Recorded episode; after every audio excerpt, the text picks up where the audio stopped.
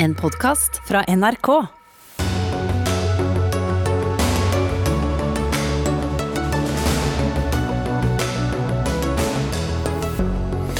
Det er nå meglet 18 timer på overtid i industrioppgjøret. Fortsatt ingen løsning, men den løsningen kan komme ganske snart.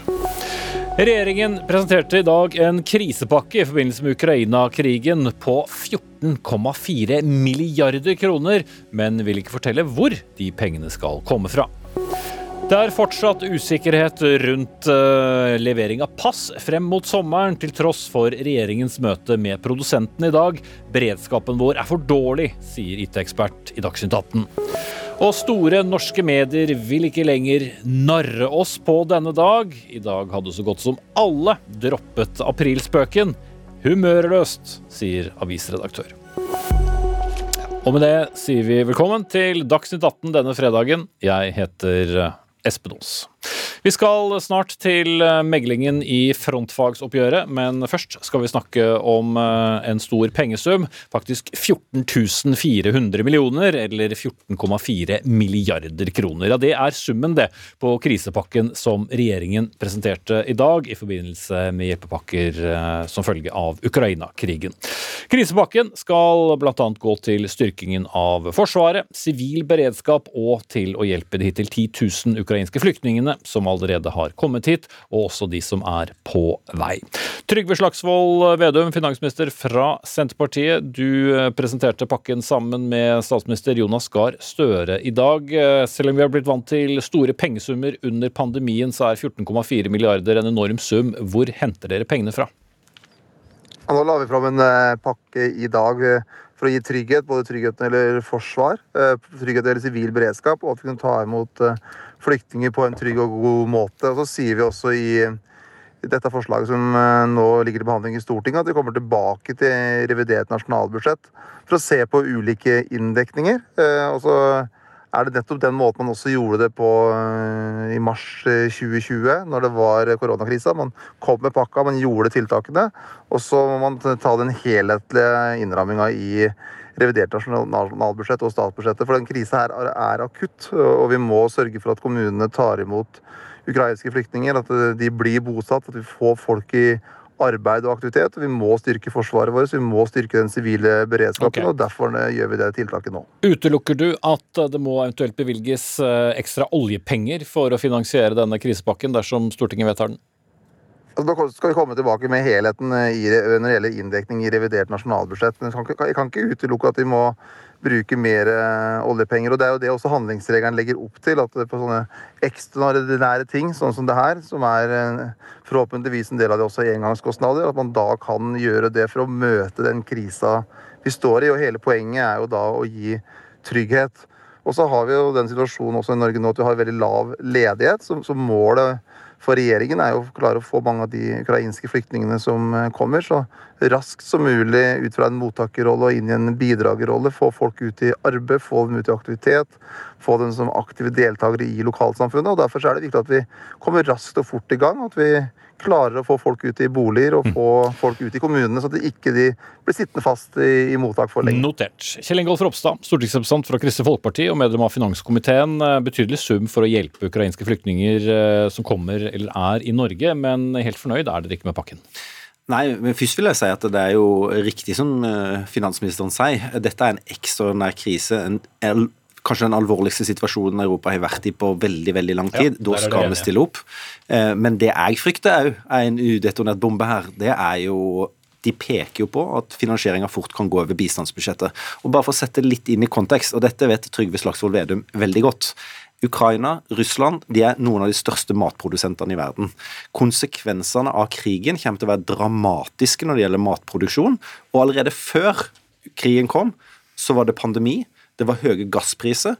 Så aller, de aller fattigste kommer til å oppleve en enorm prisøkning på mat, mm. og i verste fall for lite mat. Så, men nå er det to ting som du snakker om, men la oss ta dette med bistandsbudsjettet. Det er jo også helt vanlig at uh, man tar fra bistandsbudsjettet når det kommer uh, store mengder flyttinger til landet, eller som man har gjort det tidligere. Vi er jo imot at en skal gjøre det på den måten, men det som jeg mener er den store forskjellen, og derfor jeg prøver å tegne det bildet, det er at det allerede er ekstremt mange mennesker som, som sliter med med matvaremangel, og som på, på, på, leder på verdensbasis, og da må man ikke bruke opp uh, Ja, bistandsbudsjettet her hjemme. Ja, ja, poenget er jo bare at hvis Trygve Slagsvold Vedum og regjeringa får gjennomslag for at det skal tas av bistandsbudsjettet, så betyr det at det er verdens fattigste som må betale regninga for den krisa og den situasjonen som er i Norge.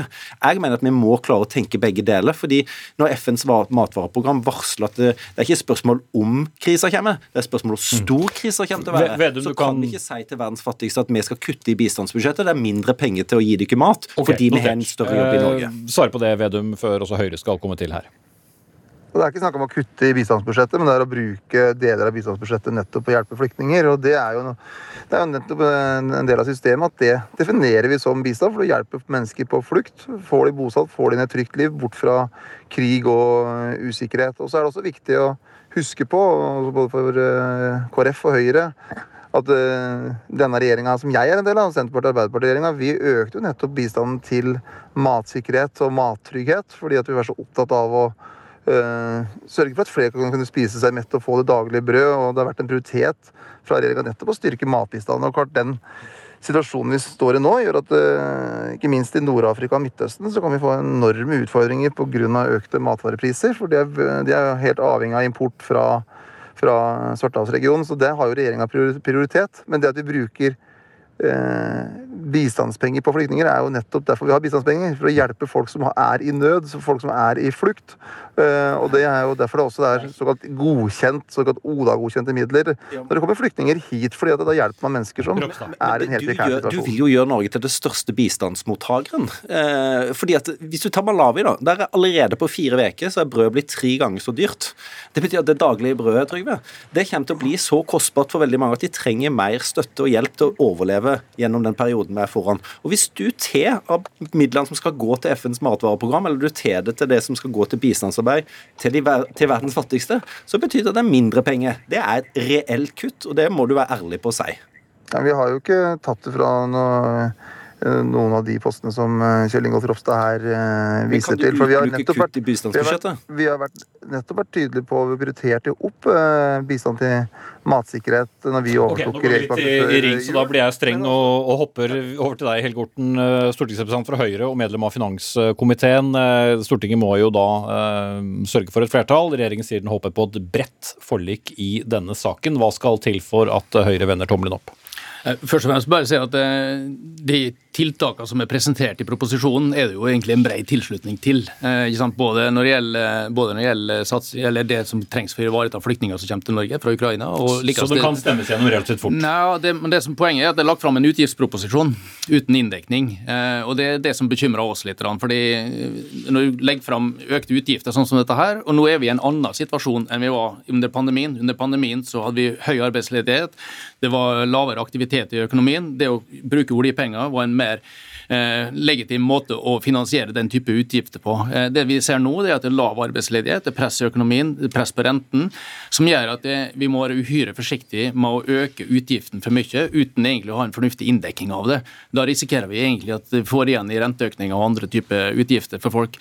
Derfor så er vi opptatt av at når vi nå blir invitert av Senterpartiet og Arbeiderpartiet på Stortinget til å diskutere utgiftssida i den proppen, så må vi òg sette oss ned og diskutere hvordan vi skal dekke det inn, slik at vi har en god finansiering av det. Hvis ikke så gjør vi bare halve jobben. og da da er jeg redd for at det blir lett for at utgiften øker på og vi får en uavklart økonomisk situasjon i, i Norge. Som finansminister så har jo du også uttrykt eh, bekymring for, for stigende rente og overoppheting av eh, økonomien også i andre situasjoner, eh, Vedum. Men altså i dette tilfellet så åpner du altså for at dere må kunne bruke noe oljepenger. Jeg ble eh, oppringt, så var det spørsmålet til meg. Jeg hørte ikke Det var debatten deg, etter at eh, Vedum. Det høres ut som det var litt forsinkelse her. Spørs, eh, spørsmålet var formulert slik at du har jo selv også uttrykt en bekymring for at vi kan få en overopphetning av økonomien fremover med flere renteøkninger enn nødvendig. Men når det gjelder finansieringen her, så sier du altså at det kan bli nødvendig med oljepenger. Noe som da Orten og Høyre er, er bekymret for at det kan bli for mye bruk av. Jeg er jo bekymra for det. Men så må man være ærlig i sin kommunikasjon eh, og si ting som det faktisk er. Eh, vi er midt i budsjettåret, eh, og det her er en situasjon som ingen har ønska, ingen har planlagt for. Og da må vi sørge for at det blir trygt for kommunene å, bosette. Vi må få flyktninger ut. Hvis vi ikke gjør det, så blir det enda dyrere for oss som samfunn, og det blir dårligere for de som kommer. Men selvfølgelig så må vi også gjøre omprioriteringer i, i reviderte nasjonalbudsjett. Eh, se hvor vi kan eh, eh, ja, stramme inn.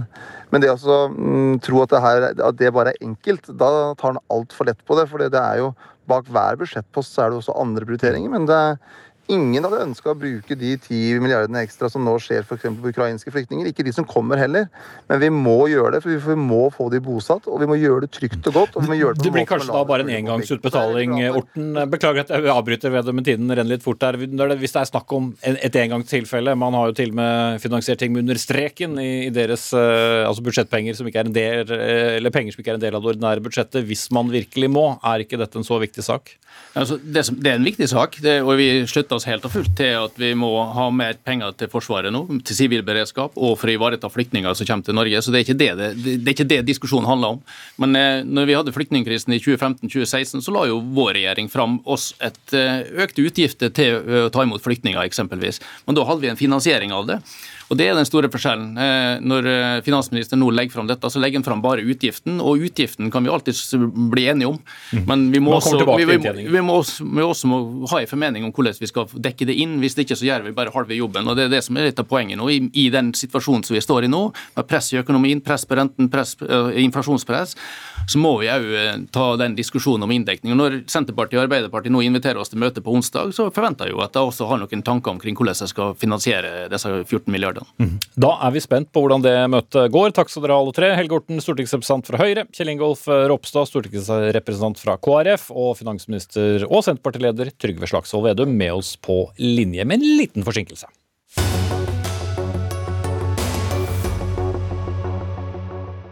Første april er ingen spøk, eller er det det? Mot slutten av sendingen skal vi debattere aprilspøkene i mediene. 18 minutter og Nei, 18 timer og 12 minutter. Det er så lenge meklingen har gått på overtid i frontfagoppgjøret eller industrioppgjøret, om du vil. Norsk Industri, Fellesforbundet, Parat og riksmegler Mats Ruland holder på. Kanskje er det en løsning i sikte. I alle fall venter særlig 27 600 medlemmer av Fellesforbundet og 1000 medlemmer av Parat og en rekke bedrifter som er medlem i arbeidsgiverorganisasjonen Norsk Industri, for å se om det blir konflikt eller ei. Magnus Takvam, politisk kommentator her i NRK. Du følger meklingen som foregår på et eh, hotell i Oslo sentrum. Hva vet vi nå om eh, status eh, etter mekling på veldig på overtid? Det er i praksis enighet mellom partene. Det er i hvert fall det vi, vi får høre i gangene her. Men de jobber da fremdeles med å utforme alle detaljer i, i, denne avtalen og må forankre den i sine delegasjoner. Så vi hadde jo håpet på å få kunne presentere eh, dette i sin fulle bredde nå, men åpenbart må vi vente eh, en time eller to kanskje på det. Mm.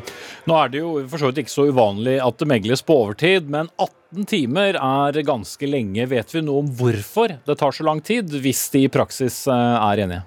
Nei, men det er klart at uh, dette oppgjøret front, i frontfaget som legger malen for resten av tariffoppgjøret utover våren, er jo veldig viktig. Og uh, det ligger litt i kortene at en storkonflikt i den situasjonen uh, Norge og verden står i nå, kanskje ikke ville bli forstått ute i samfunnet. Og da er det mulig at man for å få mest mulig ut av oppgjøret, har måttet bruke den tiden vi snakker om.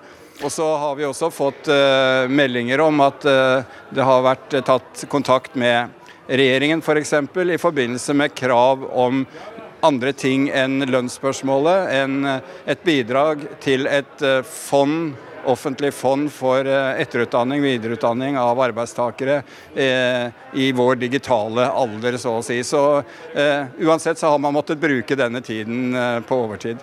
Du blir med oss videre, Magnus Takvam. Kristine Nergård, forskningskoordinator i Forskningsstiftelsen eh, Fafo. Du har fulgt med på mange lønnsoppgjør, og som vi snakket om eh, før sending, det er uhyre sjelden et frontfagsoppgjør faktisk ender i konflikt. Og som Takvam sier, det, det nærmer seg noe. Ja da, det er veldig sjelden at det havner i konflikt. Og når det først har gjort det, så har de vært gjennom, stort sett vært gjennom uravstemning. Altså har, man har blitt enige i meklinga. Det ligger et forslag på bordet, og så er det et par ganger eh, at medlemmene har sagt nei. I et sånn forbundsvist oppgjør som vi har nå, så skjedde det i 1996. Og så hadde vi et stort oppgjør i 2000. Det var da vi fikk den femte ferieuka. Og selv om man da hadde fått den femte ferieuke, så stemte LO-medlemmene nei, og da ble det streik. Mm. Eh, jeg lurer på jeg skal be deg ta det headsetet og legge det ned på bordet, for du får litt sånn feedback gjennom eh, mikrofonen din. Eh, men dette er jo da det første oppgjøret av flere. Det som skal legge på en måte rammen for resten. Og så er det også et hovedoppgjør som gjør det hele mer alvorlig. De partene som nå sitter altså mer enn 18 timer på årtid, hva slags press ligger på dem? Det er jo et stort press for å bli enige. og her har vi jo veldig ansvarlige parter. altså Det er uh, parter som vet at en arbeidskonflikt kan gå utover arbeidsplassene, og som også vet at uh, blir lønnsveksten for høy, så kan det gå utover kan du si, lønnsomhet og arbeidsplasser på sikt, og samtidig at medlemmene i 2021 tapte kjøpekraft. Eh, pris, lønnsveksten ble lavere enn eh, prisveksten, og her er det jo på en måte sånn medlemmene i siste instans som avgjør. altså De kan stemme nei, ja eller nei i en uravstemning, og det vet eh, Jørn Eggum, som er forhandlingsleder hos Fellesforbundet, godt. Så det er, man, man, må balansere dette her med ansvaret for eh, arbeidsplassene, for, frem, for, fremtidige arbeidsplasser, med det at en fagforening skal sikre medlemmene eh, kjøpekraft, og kanskje til og med økt kjøpekraft. Magnus Takvam, er det overraskende at dette oppgjøret har eh, gått såpass mye på, på overtid? Da forhandlingene startet, så, så, var det jo flere, bl.a. innom studio her, som, som mente at dette kanskje til og med kunne ende uten mekling, men eh, det ser ut til å ha blitt litt vanskeligere likevel. Ja, på en måte så er det kanskje overraskende, men forklaringen på det må vi, må vi da eh, vente på. Men det er klart, jeg har fått inntrykk av at selve den økonomiske rammen eh, ikke har eh, vært det som har vært eh, skal vi si, mest konfliktfylt eller konfliktfylt overhodet. Her har det ligget i kortene at arbeidstakerne måtte få gjennomslag for økt kjøpekraft. Det som har vært noe diskusjon, så vidt jeg forstår, i teknisk beregningsutvalg, som jo legger tallgrunnlaget for for eh, tariffoppgjørene om eh, vurderingen av prisstigningen. Hvor skulle man sette tallet? Det har bl.a. vært sagt at man har forskuttert denne reduserte elavgiften, som jo ikke er avgjort ennå, inn i pristallet f.eks. Så en del diskusjon om dette har det vært. Og det er også åpenbart at å beregne eh, inflasjonen i 2022 med slik verden ser ut nå, med de energiprisene, renteøkninger og alt det som uh, følger med, er veldig, veldig krevende. Mm. Eh, Kristine Nergård, som, som Takvam er inne på, så er det åpenbart at teksten eh, og formuleringene som er det som riksmekler Mats Ruland eh, jobber ekstra nøye med partene på. Og når det er et hovedoppgjør, så handler det jo da mer om penger. Og det er også det som i mange tilfeller kan gjøre det vel så vanskelig. Ja, og vi vet jo egentlig ikke hva, hva de er mest uenige om. Jeg ville tippe at man også er uenig om, eller har forhandla på hvor mye skal det generelle tillegget være, og hvor mye overlater man til lokale forhandlinger. Noen ganger så har man jo bare fått 50 øre per time, ikke sant, og det høres jo ikke mye ut i våre tider. Eh, og så blir det allikevel kanskje en ramme på 3% eller noe sånt. Og da må, disse, må klubbene i Fellesforbundet og arbeidsgiverne forhandle lokalt om resten. Så er det nok sånn at i år, når det er eh, usikkert, det er noen bedrifter som går veldig godt, det er noen som går veldig dårlig, så er det en del som da ønsker eh, at eh, det skal være mer enn 50 øre per time. Altså Man ønsker på en måte et høyere generelt tillegg for å være sikker på at man får den lønnsveksten og de penga Mm. Og så er det andre ting som det også forhandles om. Det har uh, vært satt på dagsorden spørsmål som går på hvordan arbeidstid organiseres i Nordsjøen. Fellesforbundet og Norsk Industri har en del bedrifter som jobber ute i Nordsjøen. og der har arbeidsgiverne sagt at de ønsker mer fleksibilitet på når arbeidstakerne skal sendes ut, mens Fellesforbundet sier at Våre medlemmer trenger mer forutsigbarhet på når de skal jobbe ute i Nordsjøen. Og det er nok et vanskelig tema, mm. og som har vært brakt inn, i hvert fall i krava fra begge sider. Vi får eh, bare smøre oss med tålmodighet. Jeg kan i hvert fall love at dersom det skulle foreligge et meglingsresultat eh, i løpet av vår sendetid, så skal eh, vi fortelle dere om detaljene. Men ut fra hva politisk kommentator Magnus Sakvam sa, så ligger det kanskje noen timer inn i fremtiden. Men følg med på NRK Nyheter. Takk til Magnus Sakvam nede fra hotellet der det mekles, og takk til Kristine Nergård, forskningskoordinator Forskningsstiftelsen Fafo, her i studio.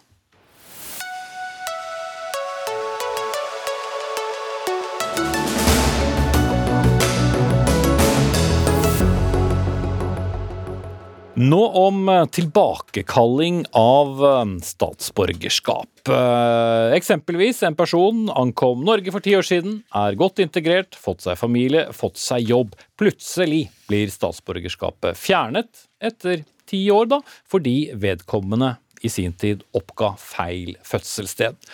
Dette er ikke bare et tenkt eksempel, det var faktisk noe som skjedde for senest en måned siden med en tobarnsfar. Dette vil partiene Rødt og SV gjøre vanskeligere. De mener nemlig at dagens ordning gjør det for lett for den norske stat å tilbakekalle pass til asylsøkere, og de vil rett og slett ha en foreldelsesfrist. Vi skal komme tilbake til eh, detaljene der, men Mari Holm Lønseth, stortingsrepresentant fra Høyre, dere vil rett og slett ikke ha noe av det. Hvorfor det?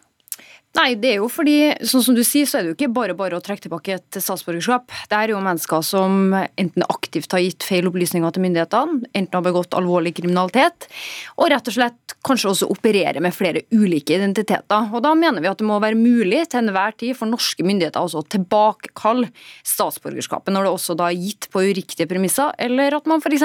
bruker det til å bedrive kriminalitet. Og Da vil det også være feil å sette en sluttdato for når norske myndigheter kan gripe inn.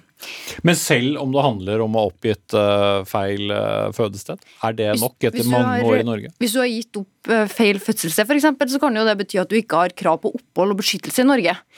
og Hvis du har gitt en falsk forklaring som danner grunnlag for at du får beskyttelse på uriktig grunnlag, så betyr jo det også at vi prioriterer noen som egentlig ikke trenger beskyttelse her fremfor noen som faktisk trenger beskyttelse. Mm. og Derfor så mener jeg at det er viktig at norske myndigheter også kan gripe inn. Men det er også viktig at det er en forholdsmessighetsvurdering. Så jo lenger du har vært her, jo mindre alvorlig forholdet er, jo mer skal til for å tilbakekalle. Men det å få opphold på feil grunnlag, det er et veldig alvorlig forhold. Tobias Drevland Lund, stortingsrepresentant fra Rødt. Eh, hvis du klarer å lure staten lenge nok, så får det være greit? Jeg tenker jo uh, at dette handler jo om mennesker. Det, det eksempelet du kom med, det handler jo om bl.a. Uh, Omar, som var saken i Stavanger, som er tobarnsfar, som har kone, som har jobb, som har skapt livet sitt i Stavanger. Og da er jo spørsmålet vi som lovgivere må stille oss, da, er hvor rimelig er det at man etter flere år, 14 år i dette tilfellet, skal si nå eh, skal du trekke tilbake statsborgerskapet sitt. Nå må du ut av landet. Eh, når man har etablert seg, når man har skapt et liv. Og Da tenker jeg at vi rett og slett må, må se litt på hvor godt integrert man er, eh, og hvor, hvor, stor del av samfunnet man har blitt. Og det har jo mange av disse menneskene. Noen av de vi har vært i kontakt med, har jo levd i Norge i over 30 år. Og da mener jeg at det er helt urimelig og egentlig uheldig at jo, man kaster ut altså, mennesker hvis du, hvis, du har, hvis du har løyet så godt at ikke det blir oppdaget, så skal du likevel da belønnes for det? Hvis ikke du har krav på opphold i utgangspunktet? Veldig mange mennesker gjør jo uh, ulike feil i løpet av livet. Uh, og noe av det viktigste er jo at man uh, har sterk, mye ressurser tidlig i prosessen, så man får avklart dette tidlig.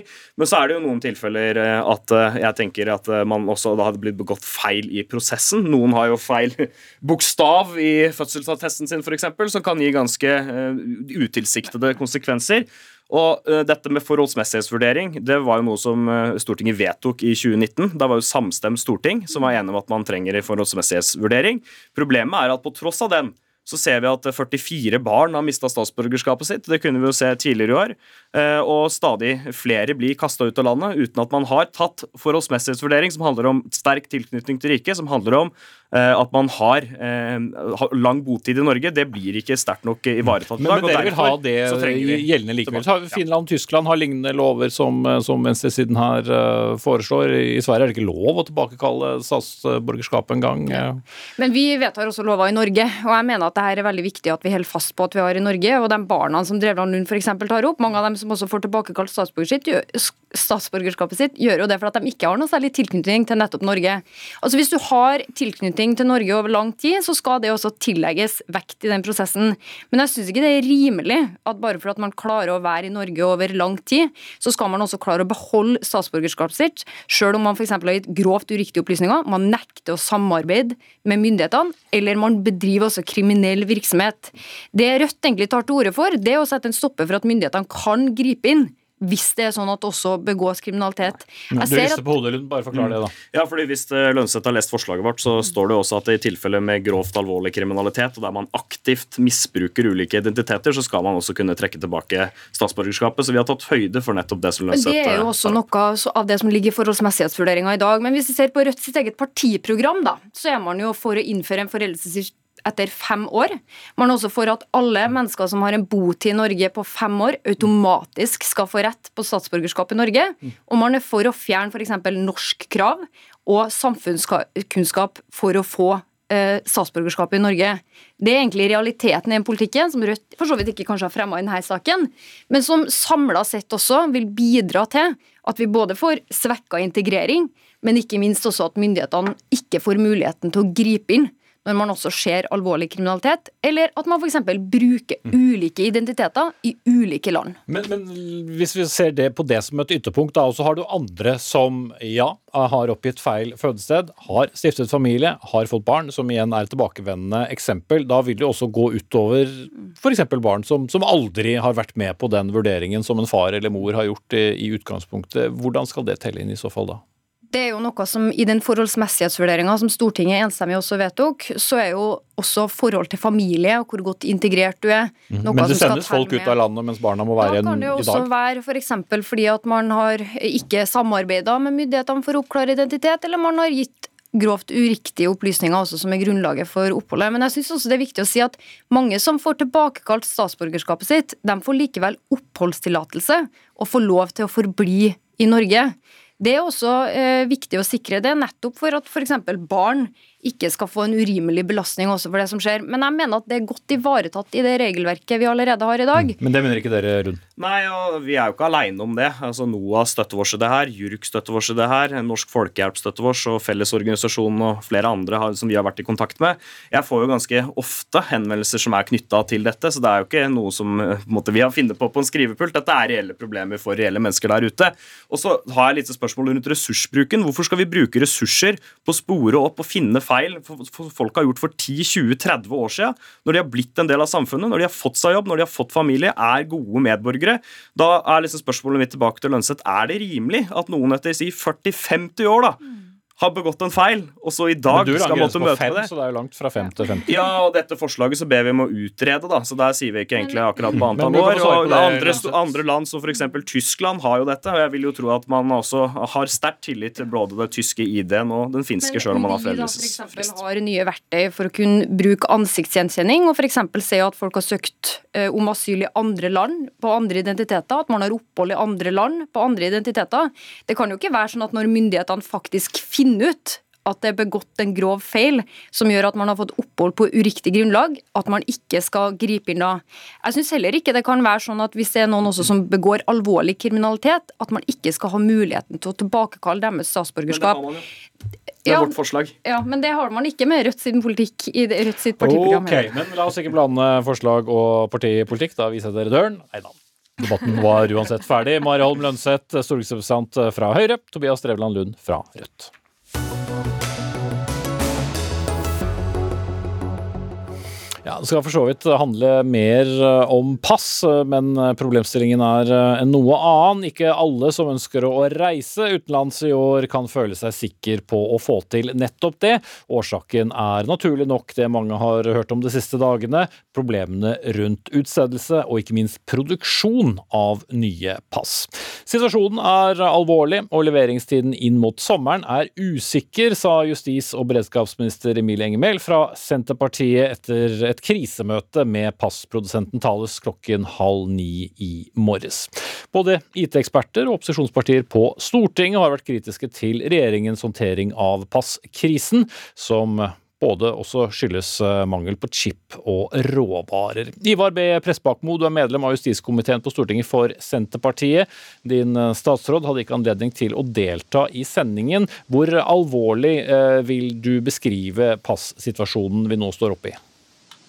Det er selvfølgelig alvorlig, og særlig med tanke på at eh, veldig mange etter to år med pandemi har både ønske og behov for å skaffe seg pass eh, for å kunne reise. og Reiselysta er stor. og Det er selvfølgelig også veldig viktig for folk. Det er jo også derfor at eh, justisministeren for en måned siden var klar overfor eh, POD om at man skal Eh, få økt åpningstider. Og nå har altså kapasiteten i forhold til tilgjengelighet for å få seg time, har økt betraktelig. Sånn at den delen av utfordringa er man kommet et godt stykke av gårde med. Mm. Så Men så får man ikke produsert nok pass? Ja, nå er det jo sånn at uh, Tale meldte jo om de her uh, utfordringene nå ganske nylig. og Justisministeren uh, innkalte jo da Tale til møte i dag for å understreke viktigheten av at man fant gode løsninger på det, sånn at man kunne være mer sikker på at man fikk uh, utstedt pass etter hvert. Og Det vil følges opp uh, framover også fra justisministerens side. og Også i neste uke vil det være oppfølging overfor Tale på det. Mm. Hvem sitt ansvar er det at vi står i den situasjonen? Ja, det er jo sånn at uh, Vi er jo ikke det eneste landet som har utfordringer med det her. Uh, så Det handler jo selvfølgelig om uh, situasjonen etter pandemien, at mange har behov for pass. Og så er det råvaresituasjonen til chipen og, og, litt til som, som Tale har utfordringer med. Så det er jo et sammensatt bilde. Men det er klart det hadde vært Men har noen et ansvar? Regjeringa tar jo ansvar og har som sagt sørga for at det er økt åpningstid og at det er økt kapasitet. Eh, det er den ene delen. Og regjeringa også hatt møte med Tale og vil følge det opp framover. Og så okay. hadde det selvfølgelig vært en fordel å ha flere passkontor. Notert. Torgeir Waterhouse, IT-ekspert og partner i Otte. Du var her i, i Nyhetsmorgen i morges i NRK og sa at denne passkrisen også forteller en historie om at vi har ikke god nok beredskap her i landet. Hvordan kan du si det? Og Det er veldig enkelt fordi eh, de skippene som er helt avgjørende for passene, at de skal fungere som de skal, de trenger vi å ha kapasitet på. Vi trenger å ha tilgang. Og når noe er så sentralt som et pass, særlig et land som Norge som i realiteten ikke har noen andre ID-systemer, som alle kan få, eh, så er vi avhengig av den tilgjengeligheten. Og eh, det er mye i vårt samfunn som stopper opp for den enkelte, eller på samfunnsnivå, dersom man ikke har tilgang på denne type teknologi. Mm. Men nettopp uh, IT, eller nei, chipper er jo mangelvare også globalt. Så kan egentlig norske myndigheter ta det ansvaret? Og det er jo her man må, må se hvilke skipper er vi helt avhengig av, hvor man, hvordan man skal prioritere. Og så i, ut fra det sørge for beredskap på de man er helt avhengig av, og så heller sørge for at man tåler ventetid på f.eks. en ny PlayStation. Mm. Nettopp. Eh, og det kan myndighetene styre? Ja, De kan i hvert fall gjennom anskaffelser styre det, og sørge for at man har et lager, akkurat som man har lager av andre ting man trenger skulle det bli en krise. Mm. Og så er det ikke lenger slik at passene heller produseres da eh, av Norges Bank eller andre. Er det også en svikt her? Hvor Nei, ja. de produseres? At, de burde, at, at norske myndigheter burde ha en større kontroll over eh, egen produksjon? Jeg føler meg trygg på at den produksjonen er grei sånn som den er organisert. Men så er det et spørsmål om man burde hatt flere produsenter og hatt et, satt systemer som gjør at man har en bedre beredskap og kan få den kapasiteten man trenger. Og, og, her må man også se på avtaleverket, hva, hvilke forpliktelser leverandøren har, og på andre måter hva man kan gjøre og må gjøre for å sørge for at vi kommer ut av det problemet vi er i nå. Mm. Per-Willy Amundsen, leder av justiskomiteen for eh, Fremskrittspartiet. Da vi snakket med deg før sending, så mente du at regjeringen hadde håndtert denne passituasjonen eh, dårlig. Men eh, hvor mye annerledes kunne denne regjeringen egentlig gjort? Retten til pass er faktisk en grunnleggende menneskerett å få utstedet fra den staten man er borger av. Eh, og når vi hører de køene som er nå, mennesker som kan fortelle om at de må vente i eh, nesten et halvt år før de får utstedet pass, som opplever å få tapt eh, penger de har lagt ut for reise som var gjort før pandemien, så er situasjonen alvorlig. Og Det er altså en varsla eh, krise hva gjelder pass som vi står i nå. Eh, to år har vi visst at dette kom til å bli et problem. Selvfølgelig når pandemien var over, så ville behovet oppstå for å få eh, skrevet ut mange plass, pass samtidig. Eh, selvfølgelig være, være realitet. Mm. Men en regjering som har sittet 200 dager ved makten, må også ta ansvar for det som vi er oppe i nå? Jeg syns jo selvfølgelig også eh, Monica Mæland, forrige justisminister, eh, bør ta en del av ansvaret. Men det er jo helt klart at det er jo dagens regjering som eh, har det totale ansvaret nå, med den situasjonen vi er i nå. Og at man burde sørge for A. Lagerbeholdning av de nødvendige chipene, det utstyret man måtte trenge. Ha alternative leveringsmuligheter fra andre leverandører. Man kunne tatt i bruk ytterligere ressurser som Justisdepartementet har på personellsida. Man kunne vært mer kreativ med å kanskje ta i bruk nødpassordninger. Det er helt tatt veldig mye man kunne ha gjort. Ok, Jeg spiller den ballen rett over til uh, Pressbakkmo, som, eh, som, er med fra, fra, bilen sin. Ja, altså Det er jo uh, rett som uh, sies at denne regjeringa har hatt ansvaret og har ansvaret de siste 200 dagene. Eh, og det er klart at det er første denne regjeringa gjorde når man så at her ble det mangel, det var jo for en måned siden å sørge for at uh, Så dere så det for en måned siden? Da var det jo varsla i forhold til køer. og Da sørger man jo for at eh, det nå er økt åpningstider, og at ikke kapasiteten knytta til selve utlevering, og det er et problem. Og så hadde det selvfølgelig vært en fordel at forrige åtte år ikke hadde, regjeringa under forrige åtte år ikke hadde lagt ned 122 passkontor. Det hadde vært et eh, hjelp i forhold til tilgjengeligheten. Og så tar regjeringa på høyeste alvor den situasjonen som eh, man er muligens framfor nå i forhold til tale og leveransene. og Derfor så har jo også justisministeren hatt møte med Tal i dag og vært tydelig, og vil følge det opp også i neste uke. Okay, det, det hjelper jo ikke på antall ser... pass og kontorer hvis man ikke har chipper eller muligheten til å produsere pass. Da. Men Per-Willy Amundsen, jeg noterte meg at uh, du, du, daterte ansvaret bakover til Høyres siste justisminister, men det strekker seg ikke bakover til rekken av Frp-justisministre? Fremskrittspartiet gikk ut av regjering før uh, pandemien var en realitet, før det problemstillinga oppsto. Det er jo som jeg sier, en helt klar klart behov som ville være til stede i det øyeblikket man åpna opp. Så både Monica Mæland, som den gang var justisminister under pandemien, som klarte å løse masse andre utfordringer på justissektoren pga. pandemien, klarte altså ikke å forberede dette. Men enda verre så klarte altså ikke sittende regjering, som eh, visste at vi eh, skulle åpne opp ganske raskt, eh, klarte altså ikke å forberede den køa som ville oppstå. For det her handler jo ikke bare om Tales, det handler jo også Eh, om at man ikke har hatt personell nok ute, ikke har eh, klart å ta unna de køene som har oppstått. Eh, så Det er en kompleks problemstilling som handler om mer enn Thales. Det virker litt lettvint å skylde på en ekstern leverandør når det her har svikta på flere nivå under flere forhold, både organisasjonsmessig, personellmessig, men også eh, nå som vi hører fra leverandøren. Men man kunne altså gjort tiltak for å møte disse utfordringene, for dette visste man ville komme. Det var okay. varsla kriser, eh, og det er det vi ser realiteten av nå, når Justisdepartementet, justisministeren og ikke regjeringa har sørga for at man har på plass de helt grunnleggende eh, tingene som må være på plass for å gi mm. pass til. Torgeir Waterhouse eh, skal bare også tilbake til deg. Beklager at jeg avbryter deg, Per Amundsen, men vi må holde tidsskjemaet her. Men eh, egentlig handler det kanskje vel så mye også om at man på et tidlig tidspunkt burde tenkt en annen form for beredskap, er det ikke det du sier? Helt riktig. og om det, om det, gjelder skipper til pass, om det gjelder programvare, om det gjelder datamaskiner, det gjelder bredbånd osv. Man trenger å tenke gjennom hvor skal beredskapen være, hva er vi avhengig av, og der vi er avhengig av noe som samfunn, så må vi sørge for beredskap og eh, forskjellige systemer som kan steppe inn dersom hovedsystemet eller primærsystemet går ned. Mm. Men det er jo gjerne når det er for sent at vi finner ut at vi har et uh, problem. Skulle man forutsett alle disse faktorene? Vi driver gjerne med noe som kalles risikovurdering. og Når vi gjør det, så vil vi se at her er det en risiko, og så kan vi følge opp det med, med beredskap. Mm. Eh, Pressbakmo, eh, har folk selv også et eh, ansvar? Man kunne utstøtte en god del pass da det ikke var problemer gjennom to år eh, med pandemi. Det virker som veldig mange først nå fant ut at de trengte nytt pass. Ja, det, blir, det, blir, feil å skylde på folk. Det, det, er ikke riktig.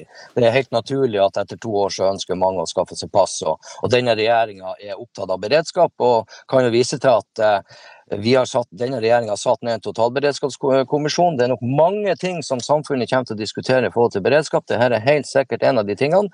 Men denne regjeringa og dagens justisminister har altså vist handlekraft, sørga for økt åpningstid ved politistasjoner i forhold til pass, og har tatt grep som framover vil gjøre at det som kan gjøres, blir gjort. Og så er det begrensa hvor mange chipper man kunne bestilt i verden i løpet av de siste eh, tida, for å si det veldig forsiktig. Mm. Og det hadde vært en fordel med flere passkontor når vi først fikk okay, Det har du allerede nevnt. Det jeg tror veldig mange lurer på, Pressbakmo, uh, om du kan svare dem på.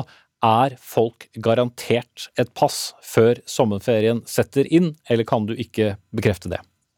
Det man kan være sikker på, det er at denne regjeringa og dagens justisminister gjør det man kan overfor eh, Tale, og for å sørge for at flest mulig skal få pass om man trenger. Og Så må man følge situasjonen tett, og det gjør justisministeren garantert. Det hørtes ikke ut som en garanti på at folk kunne få pass for sommeren? Ja, det er jo sånn at Når det mangler chipper og råvarer, så må man gjøre det man kan. Og så går man så langt man kan i forhold til å sørge for at det skjer, og så er det den beste jobben som kan gjøres. Og så må man se på mulige alternative kompenserende tiltak hvis det skulle vise seg at det ikke lar seg gjøre.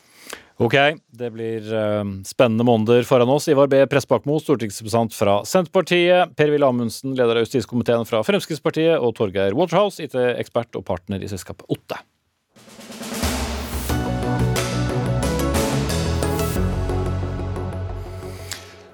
Denne helgen er eh, det valg i Ungarn, og spørsmålet er om Viktor Orbans tolv år ved makten kan være talte. Opposisjonen har samlet seg om én felles kandidat for å prøve å hamle opp med mannen som har satt Ungarn på kartet på så mange måter, bl.a.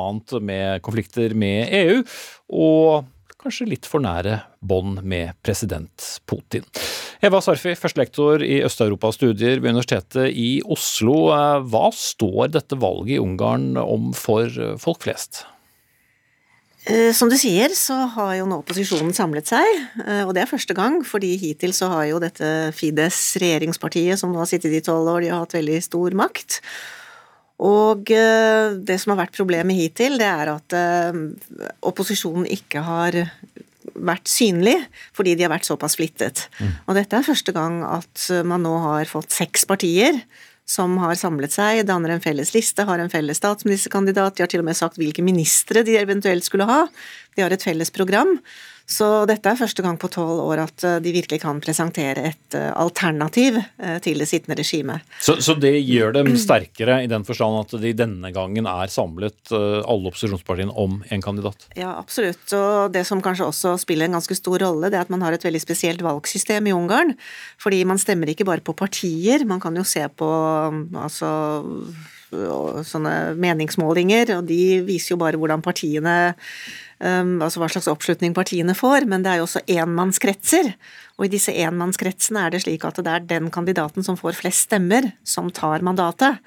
Og hvis man da har seks opposisjonspartier, så har de veldig liten sjanse til å ta det mandatet. Men hvis seks står sammen mot en uh, regjeringskandidat, så har de sjanse til å ta det mandatet. Så de har nå mye større sjanse til å slå igjennom. Men når det er sagt, så tror jeg nok allikevel at, sittende, at det sittende regjeringspartiet kommer til å fortsette i fire år til. Hvorfor det? Eh, det er fordi at de har bygget opp eh, ulike alliansepartnere i samfunnet. Eh, man kan nevne to veldig viktige grupper. Det ene det er et stort nettverk av næringslivsaktører som de har knyttet veldig tett til seg eh, via eh, støtteordninger. Altså det er da deler av næringslivet som hele tiden vinner alle anbud, som får all EU-støtte, eh, som er veldig nært knyttet opp mot regjeringspartiet. Og de aktørene kommer selvfølgelig til å stemme på den sittende regjeringen. Så er det en annen gruppe, det er middelklassen, kanskje særlig barnefamilier, fordi de har også fått veldig sjenerøse ordninger det gjelder først og fremst middelklassen, fordi hvis du har en egenandel, så kan du få veldig gunstig tilskudd til boligkjøp, bilkjøp osv. Så, videre. så deler av middelklassen vil også stemme på dette partiet. Um, og så har denne regjeringen, eller dette regjeringspartiet, også gjort det slik at um, de er veldig flinke retoriske uh, og til å skape hele tiden en ytre fiende. Eh, det kan være seg altså den globale økonomi, det kan være EU, det kan være for fem-fire år siden var det innvandrere. Um, så, så, så, de klarer å og slett samle folk eh, ja, og bak seg? Ja, da samler de, sånn at de som da ikke hører til disse privilegerte gruppene som næringsliv eller den øvre middelklassen, de kan da fanges ved hjelp av den retorikken om at vi er det partiet som beskytter dere mot de eksterne fiendene. Mm. Ja, Apropos det, Jørn Holm Hansen, seniorforsker ved internasjonale studier og, og migrasjon ved Oslo OsloMet Ukraina, er et av disse nabolandene da til Ungarn. Hvordan er forholdet de landene mellom? Ja, Ungarn har eh, et litt sånn anstrengt forhold til Ukraina og, og, og omvendt. Fordi en bærebjelke i Viktor Orbans politikk er jo å bry seg om etniske landsmenn i nabolandene, og dem er det en del av, bl.a. i Ukraina. I den sørvestligste delen der bor det en del ungarere. Eh, og de har eh, f.eks. i 2017 ble det innført en ny lov i Ukraina som sa at all undervisning fra femte klasse oppover skulle være på ukrainsk. Og tidligere, eller i hvert fall siden 2012, så hadde det vært mulig å ha undervisning på minoritetsspråk eh, som ungarsk, rumensk og fremfor alt eh, russisk. Og det førte til at Ungarn sa at dette er så galt at vi kommer til å blokkere all tilnærming fra Ukraina mot EU og Nato. Og så er det disse båndene da til eh, Vladimir Putin, og, og da Orban ikke har villet støtte disse sanksjonene. Hvor, hvor tett er forholdet mellom uh, Ungarn og, og, Russland? Det er, uh, sånn, det er ganske tett, og det er veldig klare sånne ideologiske likheter mellom Orban og Putin.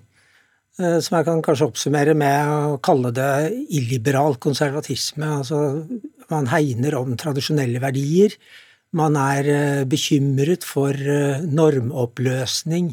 Så gjør man mye av de samme tingene, Putin og Orban. tar kontroll over media, tar kontroll over oligarkene. Snakker om utenlandsk konspirasjon, vestlig eh, konspirasjon osv. Mm. Og så har man da resten av Europa pustende i nakken, nærmest, Sarfi. Likevel så er dette en, en, mann som klarer å, trolig da samle folket rundt seg for en ny periode. Ja, og det, det som dere var inne på nå med konflikt, konflikten i Ukraina, det er jo interessant hvordan eh, dette partiet nå også har klart å snu krigen til egen fordel. Fordi eh, Fides og statsministeren fremstiller seg selv nå som de store fredsbevarerne.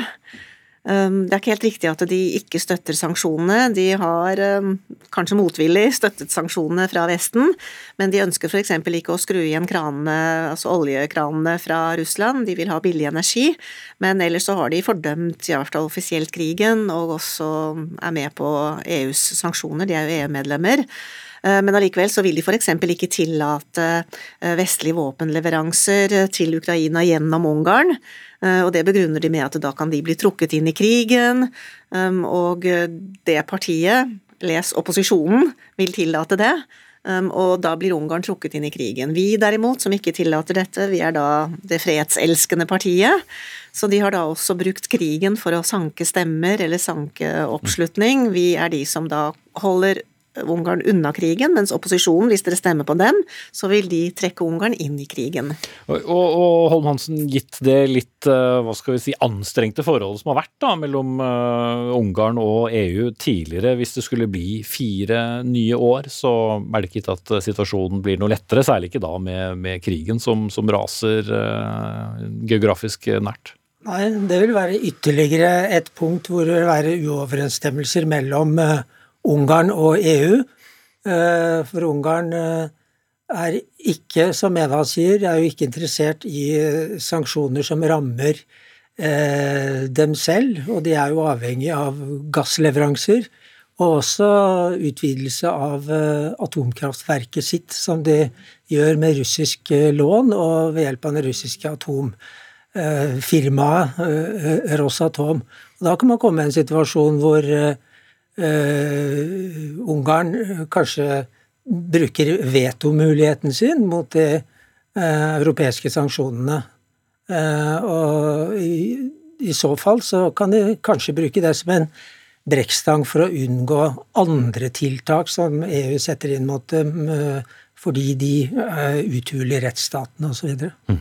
Det blir et spennende valg. Vi dekker det i NRK gjennom helgen. Takk til Eva Sarfi, førstelektor i Øst-Europa-studiet ved Universitetet i Oslo, Jørn Holm Hansen, seniorforsker ved internasjonale studier og migrasjon ved Oslo OsloMet.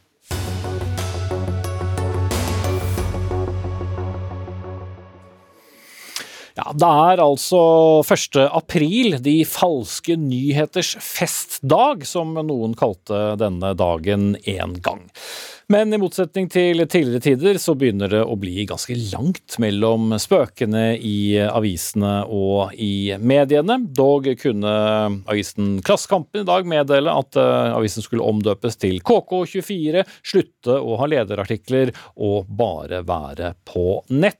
De som lot seg lure, kan puste lettet ut. Det var rett og slett en aprilsnar, og bortimot den eneste man altså kunne finne i de store mediene i dag. TV 2 NRK, VG, Aftenposten, Dagbladet, Dagens Næringsliv de hoppet over aprilspøken. Karianne Solbrekke, nyhetsredaktør i TV 2, du er med oss fra Tønsberg, hvor det er en stor journalistkonferanse i, i helgen. Ehm, de senere årene så har jo det ene mediet etter det andre annonsert at de dropper aprilspøkene, også dere. Hvorfor eh, har denne tradisjonen gått ut på dato for dere? Eh, I starten av TV 2 sin historie, og det er jo nå da 30 år siden snart, eh, så prøvde de seg med noen aprilspøker på TV helt i starten. Det funka veldig dårlig. Eh, TV er et veldig sterkt medium, og folk ble ble, ble, så lurt at man reagerte negativt på det. Så, så faktisk så droppa TV 2 det på TV-siden for, for, for, mange, mange, mange år siden. Eh, på, på nett, altså på tv2.no, så har vi vært uten det i jeg er ikke helt sikker på hvor lenge, men kanskje fire-fem år. Eh, og det har nok med å gjøre primært eh, falske nyheter. Samfunnet vårt har utvikla seg. Det er mye mer falske nyheter rundt oss. Og det er jo ikke medias rolle, tenker nå jeg, å bidra til å lure folk. Uh, og I tillegg så syns jeg vel også det er blitt litt sånn gammeldags på et vis. Jeg kjenner på at det, det er ikke det som er jobben vår uh, her og nå. Mm. Jonas eh, Mjåland, nyhetsredaktør i Fedrelandsvennen. Du er med oss fra et annet hotellrom på denne konferansen i, i, i landets eldste by. Dere hadde for så vidt ingen aprilspøk selv heller i dag på trykk, men du skulle gjerne hatt en. Det var mest fordi dere ikke klarte å finne på noe gøy, sa du til Vårt Land? Ja, du kan kalle det kanskje litt humørløse vi også, siden vi ikke ja, fant på en uh, aprilspøk i år. Men eh, vi er i alle fall ikke så prinsipielt uh, imot en aprilspøk som jeg registrerer at enkelte av mine kolleger er. Jeg tror våre lesere fint hadde tålt en aprilspøk, og jeg tror ikke det hadde gått på bekostning av vår troverdighet eller kredibilitet som et seriøst medium. Uh, så uh, hadde vi liksom kommet opp med den gode ideen, for det er ikke en aprilspøk for enhver pris, men hadde vi kommet opp med en, med en god spøk, så mener jeg at det kunne vært uh, helt greit å, å kjøre nå i 2022. Skal det legges til at vi hadde ikke noe aprilspøk i, i år. Uh, vi har hatt tidligere år, og så får vi se hva som skjer neste år. Mm. Men hvorfor skal man ha det? Dere driver jo med vel forhåpentligvis kritisk og god lokaljournalistikk. Hvorfor skal dere da lyve for for leserne? Det gjør vi i aller høyeste grad. Det gjør vi 365 dager i året. og Vi med Solbergen er helt enige om samfunnsoppdraget og hva som er viktig og hva vi Eh, hva vår rolle er. Men jeg vil også si at eh, du kan si en, en regionavis som Fevennen har også en oppgave med å ja, spre litt glede, at leseren kan trekke på smilebåndet, le litt. Og det mener jeg at en aprilspøk kan eh, bidra til å gjøre, uten at det går utover troverdigheten vår. Mm. Ja, Solbrekke, dere og de fleste andre store medier er jo gjerne opptatt av å, å ha den ene saken som er en, en snakkis. Hadde dere hatt på en måte år årets 1. aprilspøk, hadde ikke det både gledet eh, redaksjonen, som hadde fått mye oppmerksomhet, og deres eh, store publikum? da? Jo, vi er opptatt av snakkiser, og vi er opptatt også liksom, å ha saker folk kan smile av og, og, slappe av med, og spesielt i disse tider. Men jeg tenker at det er nok andre saker som kan bidra til det, da. Om man ikke skal lure og, og lyve. Eh, og så, og, eh, nå kommer det sikkert noen som er mer ekspert på dette enn meg, men jeg har en sånn oppfatning av at 1. april har ikke den samme eh, hva skal jeg si, oppmerksomheten i, i, i, samfunnet vårt som den kanskje hadde før. Eh, folk var mer opptatt av det, og jeg tror at når du ikke har det på radaren da, på samme måte, så er det også lettere å bli lurt. Og vi har jo også sett eksempler fra tidligere år hvor folk blir redde, provoserte. Eh, og det er liksom unødvendig, tenker jeg da å holde på med noe som ikke er vår jobb. Det kan man gjøre i privatlivet sammen med barna sine, og kjempegøy det, men det har ikke noe i, i media å gjøre. Mm. Terje Nordby her i studio, dramatiske forfatter og mytolog. Du ledet eh, tidligere det som het Mytekalenderen i NRK P2. Dette er jo ikke noe nytt eh, fenomen, kanskje noe som er på vei ut på dato, men hvis vi skal se litt historisk på det, hvor langt tilbake skal vi gå for å finne aprilspøkens eh, fødsel? Veldig langt. Eh, noen sier i Frankrike på, eh, på 1500-tallet, fordi at da gikk, gikk, de over til gregoriansk kalender, så nyttår ble flyttet, og de som da ikke fulgte med, det ble kalt aprilfisker. Og, men, men, men, trolig tror jeg, nå skal vi ikke gå i dybden på dette, men trolig tror jeg det har enda mye lengre røtter, helt tilbake til Roma. Altså 1. 1. april, da snakker vi om vår tidsregnings begynnelse, var en fest for Venus, og da ble alt snudd på hodet og narrerier og gjøglerier var, var, var, var, lov. Og i det hele tatt, det å bryte med hverdagen har vært en del av vårritualen i mange kulturer. Mm. Så, så, så, men, men, det er klart at medie, når det gjelder medier, så er det relativt nytt. Det var ikke medier til stede den gangen. Eh, og på vei ut der også. Det er lenge siden, i hvert fall i mine år i Dagsrevyen, lenge siden vi sist der eh, sa at nå slutter vi med, med aprilspøk, og det har heller ikke vært noen på, på NRK i dag. Men eh, det har jo vært saker som man har snakket om i tiår etterpå, som mediene har hatt. Eh, har du eksempler på vellykkede 1. aprilspøker? Ja, det har jeg. Og det, det, den store tiden var nok etterkrigstiden, de 50 årene fra 1950 opp til 2000. Og eh, den mest famøse er Aftenpostens oppslag 1.4.1950 eh, om at Vinmonopolet de, eh, de, eh, hadde fått en store kvanta av vin, men hadde ikke nok flasker, så folk måtte komme akkurat den dagen, bare den dagen, og ta med seg bøtter og kar og spann og hva de hadde og ikke hadde. Og det gjorde de? Det gjorde de. Det var mange lange køer, og denne aprilspøken har også blitt gjentatt av andre senere. Så det, det er jo den store. Ellers har det jo vært TV-spøker. Ehm, I Sverige så ble det sagt i 1962 at man kunne få, da var det jo svart-hvitt-TV, hvis man dro en nylonstrømpe over TV-en, så ville lyset bøye seg og bryte sånn at man kunne se noen farver. Så det raknet mange svenske nylonstrømper den dagen. Tilsvarende ble gjort i Norge fem år senere. Da skulle man slå av alt lyset. Eh, og dermed ville strømme et eller annet skje. skje. Tøffe tak. Eh, Jonas Mørland i, i Fedrelandsvennen, tolker jeg deg dit hen at dere kommer til å legge hodene litt ekstra i bløt det neste året for å kunne glede, eventuelt forarge leserne? Vi får jo prøve på det, men det er klart det er blitt enkelt vanskeligere å, å, finne den virkelig gode aprilspøken. og Det henger sammen med den, det mediebildet vi har nå. Veldig mye blir raskt avslørt. og og debatten går varmt i, i, sosiale medier og sånn, så det å finne de der gode aprilspøkene mener jeg er blitt vanskeligere eh, sammenlignet med når eh, på en måte papiraviser dominerte og, og, man gjerne ble avslørt 2. april og, og ikke det verserte liksom avsløringene nesten med en gang etter aprilspøken var ute. Vi gleder oss til neste år. Da skal vi lese Fevennen ekstra godt. Jonas Moiland, du er nyhetsredaktør. Takk til Karianne Solbrekke i TV 2 og Terje Nordby her i studio. Og selv om ikke NRK hadde egen aprilspøk, så klarte vi ikke å la være å gå på en. Vi viderepubliserte en uh, tøysepressemelding fra Justervesenet i morges, der de sa at de skulle begynne å gradvis fase inn sommertid fordelt utover en hel måned. Så sånn gikk det her i selveste Norsk Rikskringkasting. Ansvarlig for eh, sendingen Odd Nytrø, teknisk ansvarlig Eli Kyrkjebø. Her i studio satt uh, Espen Aas. Følg nyhetssendingene i NRK utover kvelden med siste nytt opp lønnsoppgjøret. Ellers god helg.